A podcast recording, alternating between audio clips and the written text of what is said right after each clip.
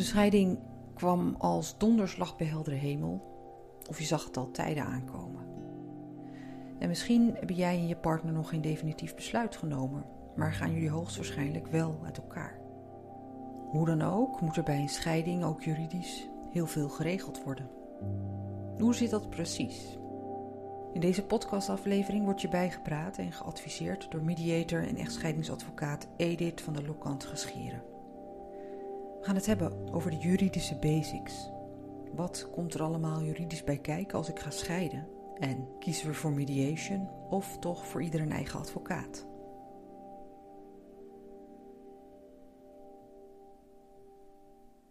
Edith, uh, welkom. We zitten hier uh, bij elkaar. En jij bent uh, echtscheidingsadvocaat en mediator. En ik wil jou graag spreken voor deze podcast. Wij kennen elkaar al een aantal jaar. Jij uh, bent een klant van mij. Ik heb in de tijd jouw website gemaakt. en ik ben ook interviewer. En ik wil met jou graag ook deze podcast maken, omdat ik denk dat het heel belangrijk is dat er duidelijke en deskundige informatie komt over de juridische kant van echtscheiding. Ja, dat klopt zeker. Uh, dat is ook een beetje de reden van deze podcast. Ik merk vaak als mensen bij mij komen uh, voor een scheiding, dat ze zeggen van, oh, er komt heel veel op me af.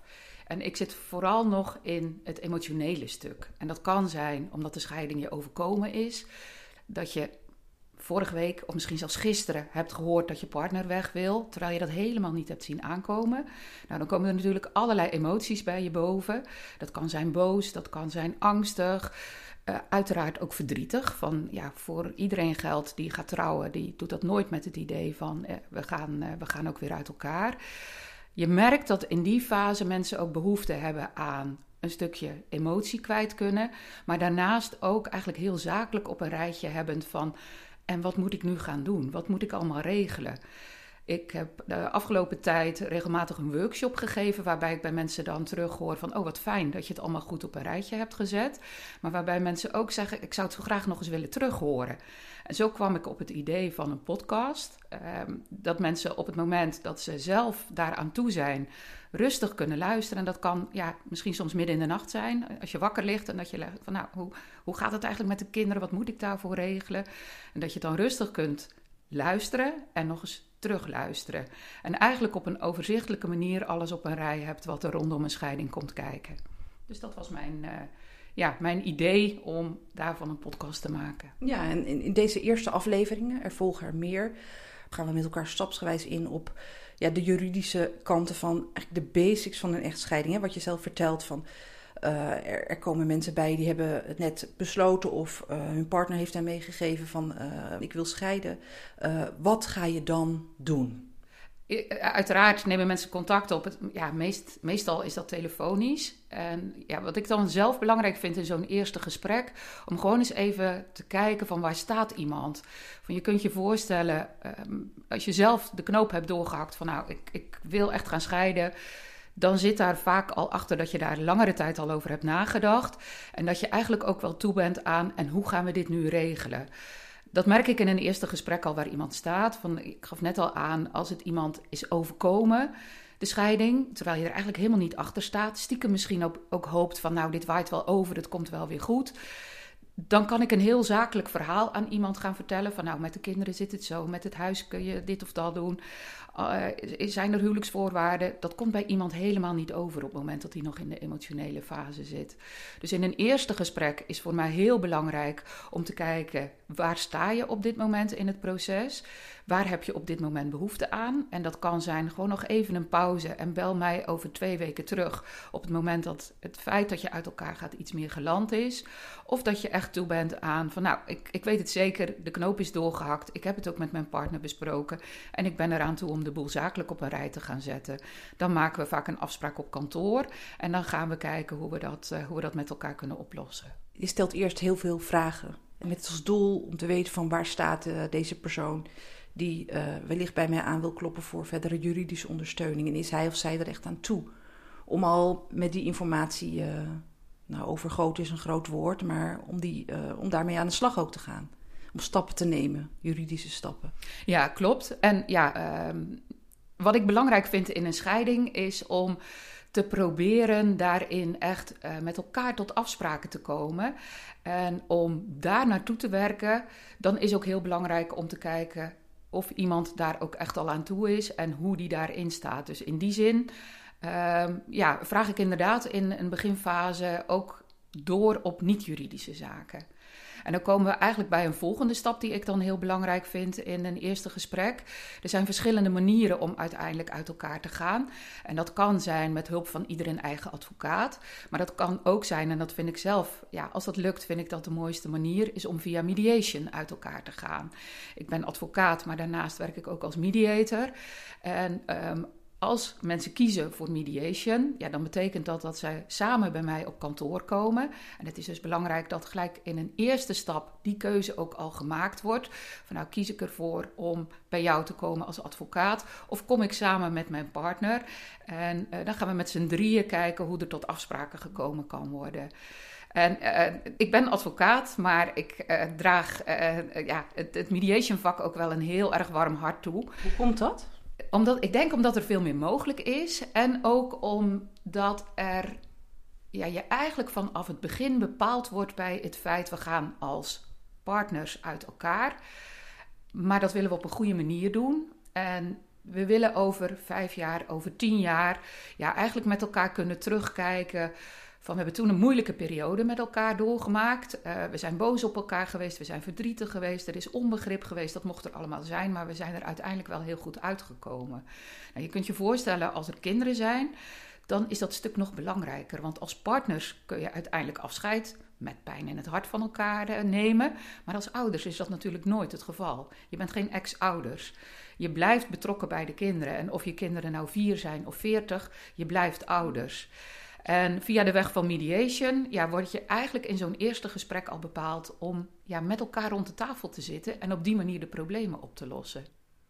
Wat is jouw ervaring met uh, de kennis over uh, mediation? Dat uh, mensen ook weten als ze bij jou aankloppen van mediation is ook een hele reële optie? Ik zie de laatste jaren uh, dat, dat mediation op zich, om via mediation uh, uit elkaar te gaan, dat dat uh, bij mensen veel meer bekend is. Ik ben inmiddels, ja, ik denk 20 jaar mediator. In de begintijd um, ja, wees ik mensen erop, maar moest ik ook echt uitleggen wat het was. Tegenwoordig komen mensen ook wel bij mij en vragen ze het zelf ook al. Van nou, we hebben geen ruzie en we zouden het heel erg fijn vinden om samen bij je te komen. En dan te kijken hoe we tot oplossingen kunnen komen. Waarbij mensen ook aangeven van ja, we hebben eigenlijk behoefte aan iemand die het proces begeleidt. En uh, we zijn het niet op alle punten met elkaar eens. Dus we vinden het ook fijn om ieder zijn eigen standpunt op tafel te leggen en te kijken hoe we daarin verder komen. Die route van mediation, die pakken we nu even beet. En dan komen we later ook in de podcast terug op uh, als dat niet kan, als dat niet lukt. Uh, even terug naar jouw uh, uh, positie als, als mediator. Jij zegt, ik ben al twintig jaar bezig met mediation. Dat lijkt mij, je was echt een early adapter, zeg maar, wat dat er gaat. Dat klopt wel. Ik, ja, de 20 jaar hou me te goede, pin me niet vast. Maar het klopt wel dat ik in de beginfase mee ben gaan doen. Um, ik ben begonnen als advocaat. Um, in die tijd mocht je een mediation-opleiding doen. op het moment dat je ook de nodige uh, vlieguren had als familierechtadvocaat. En dat is ook, ook goed. Van dat je ja, in je rugzak heel makkelijk de, alle juridische ins en outs beschikbaar hebt. En dat je je vervolgens traint om hoe ga ik dan om met het emotionele stuk? Hoe ga ik om met discussie, met boosheid? Dus alle emoties en vaardigheden die daarin van belang zijn. Uh, in de begintijd was dat binnen de advocatuur eigenlijk wel een lastig dingetje. Want als advocaat ben je heel partijdig. Je treedt op voor ja, één persoon en daar word je voor ingehuurd. Als mediator heb je een hele andere pet op. Je zit met elkaar om tafel en ik kijk naar de belangen van beide partijen. En het uitgangspunt is uiteindelijk om vanuit een gemeenschappelijk belang tot oplossingen te komen. En binnen de advocatuur is daar echt naar gekeken van ja, past het binnen de gedragsregels? En hebben we met elkaar um, ja, eigenlijk ook een soort nieuwe regels afgesproken om als familierechtadvocaat ook te mogen werken als mediator.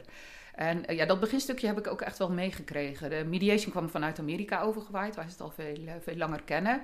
Een aantal mensen die hier in Nederland uh, zijn opgeleid. En van daaruit is het uitgerold binnen de advocatuur, maar natuurlijk ook ruimer. Ook binnen maatschappelijk werk, psychologie, En worden de voordelen daar ook wel, wel van gezien.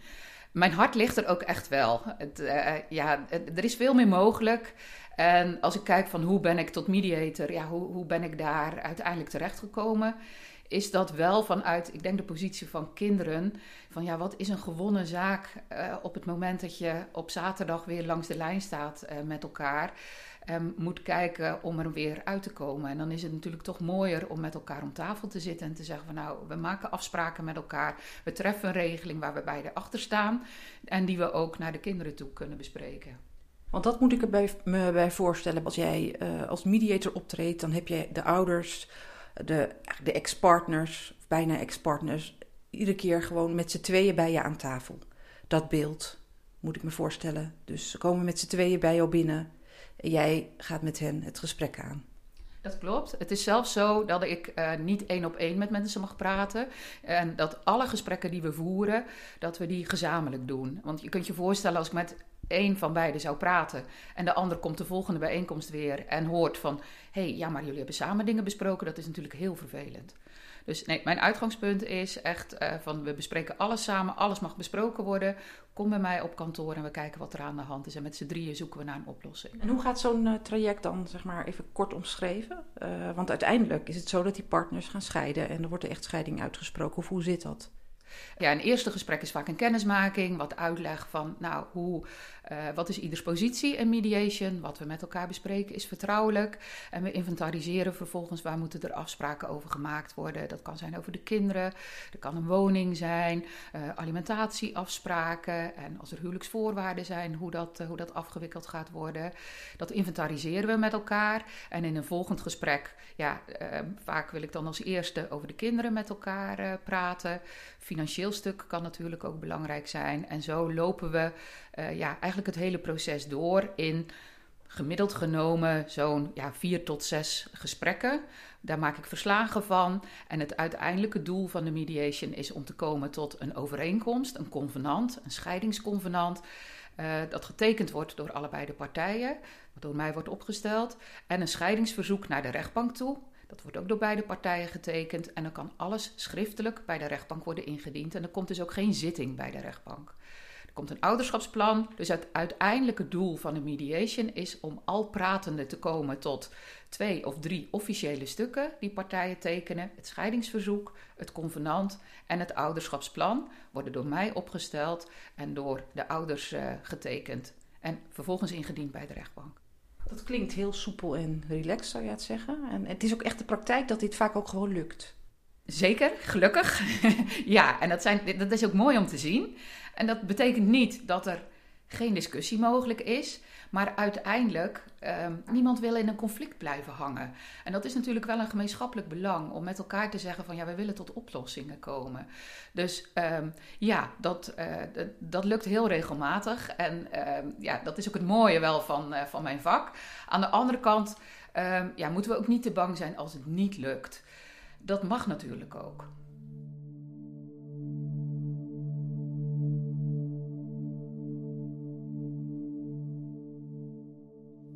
Edith, je ging uh, net in uh, op uh, hoe zo'n mediation traject eruit ziet. En hoe jij dan ook met jouw cliënten zo'n traject doorloopt. Als gecertificeerd mediator, want dat ben je, hè, officieel. Maar je vertelde ook, het lukt niet altijd, mediation. En dan is het zo dat partners, ieder met een eigen advocaat, de scheidingsprocedure doorlopen. Hoe gaat dat? Uh, soms is dat al van begin af aan. Hè? Van ik gaf aan van ja, als ik iemand aan de telefoon heb, dan bespreek ik een aantal zaken. En een van die zaken is ook van nou, is mediation iets voor jou?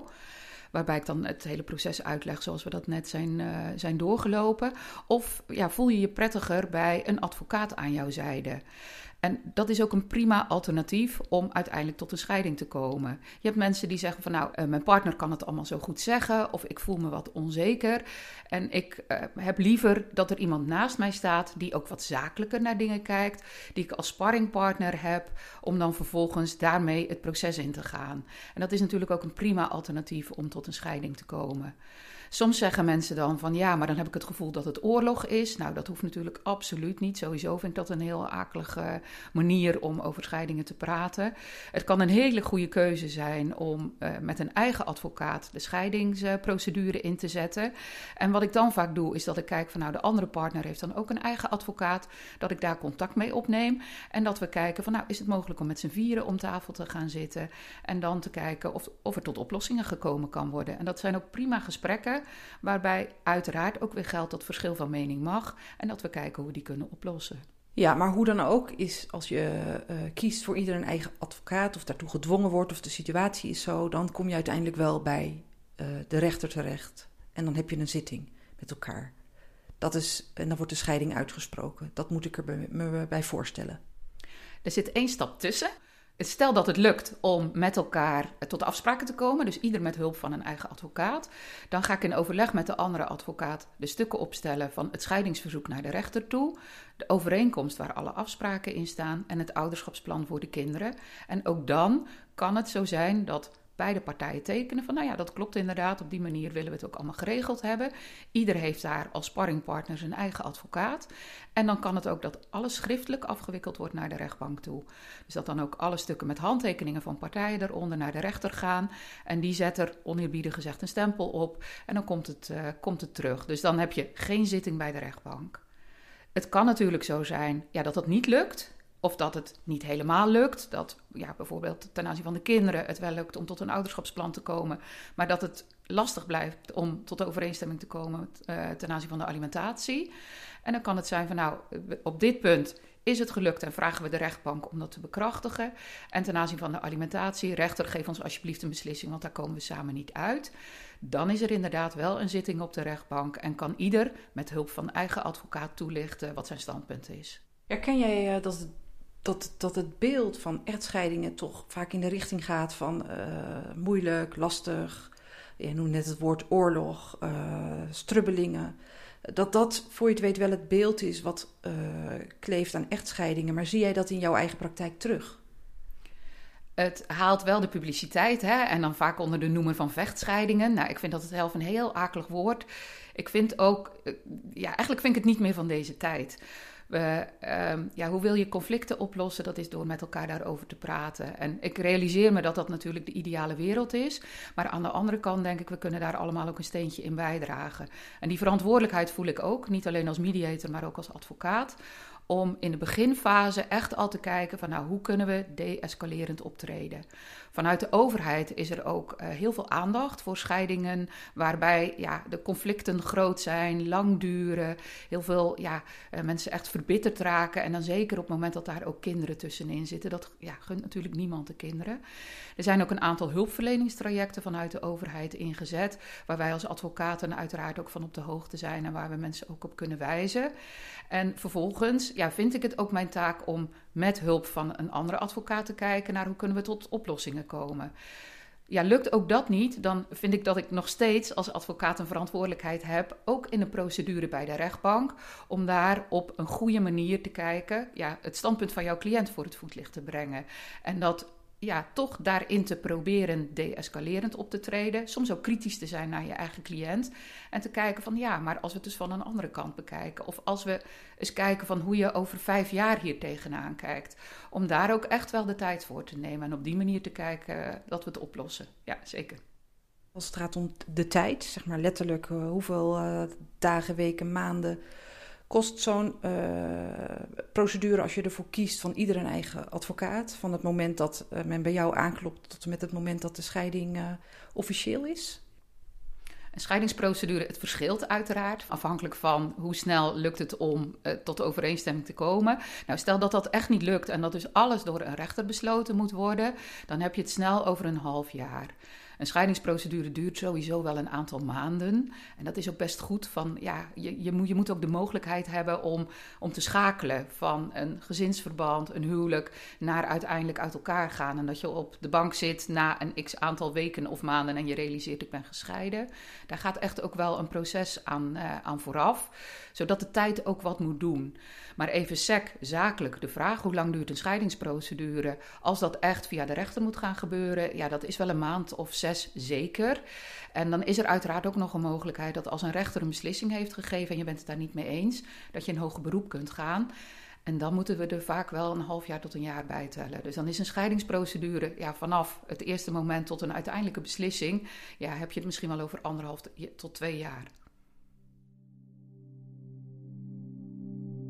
Veel van de informatie die jij vertelt in deze aflevering over de juridische aspecten van uh, echtscheiding of mediation, die uh, is ook te vinden op jouw website www.meestervandelokhand.nl. En uh, het linkje naar die website vind je in de show notes onder deze podcastaflevering. Dus dat is ook wel handig voor de luisteraar om dat nog eens rustig na te lezen.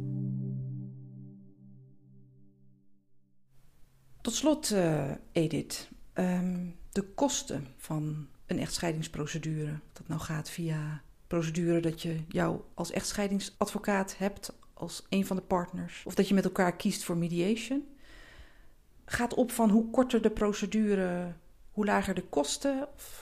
Vertel daar eens wat over.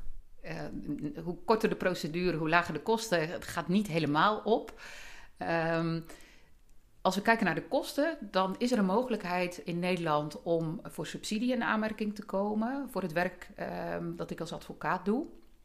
Dan moet je aan bepaalde uh, normen voldoen qua inkomen en ook qua vermogen. Dat is ook allemaal op internet is dat, uh, is dat terug te vinden.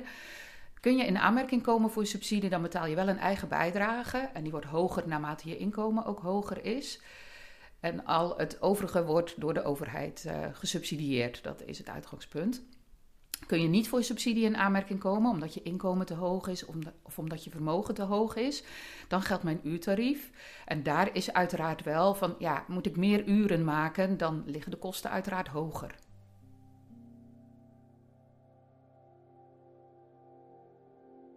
Als ik zo naar jou luister, dan vind ik dat je als advocaat, als mens, echt een bevlogenheid hebt voor. Uh, toch ook wel, zou je kunnen zeggen, misschien de, de, de sociale kant van je vak? Of heb ik dat mis? Ja, van mezelf is het natuurlijk altijd lastig om, uh, om, om dat te zeggen. Dank voor het compliment. Ik denk dat je wel gelijk hebt dat ik uh, mijn vak met hart en ziel doe. Dat zonder meer. En ja, ik heb de nodige opleidingen gedaan, waardoor mijn juridische kennis ook wel uh, ja, up-to-date is en ook blijft. Zeker, ja. Bedankt. Heel graag gedaan, dankjewel.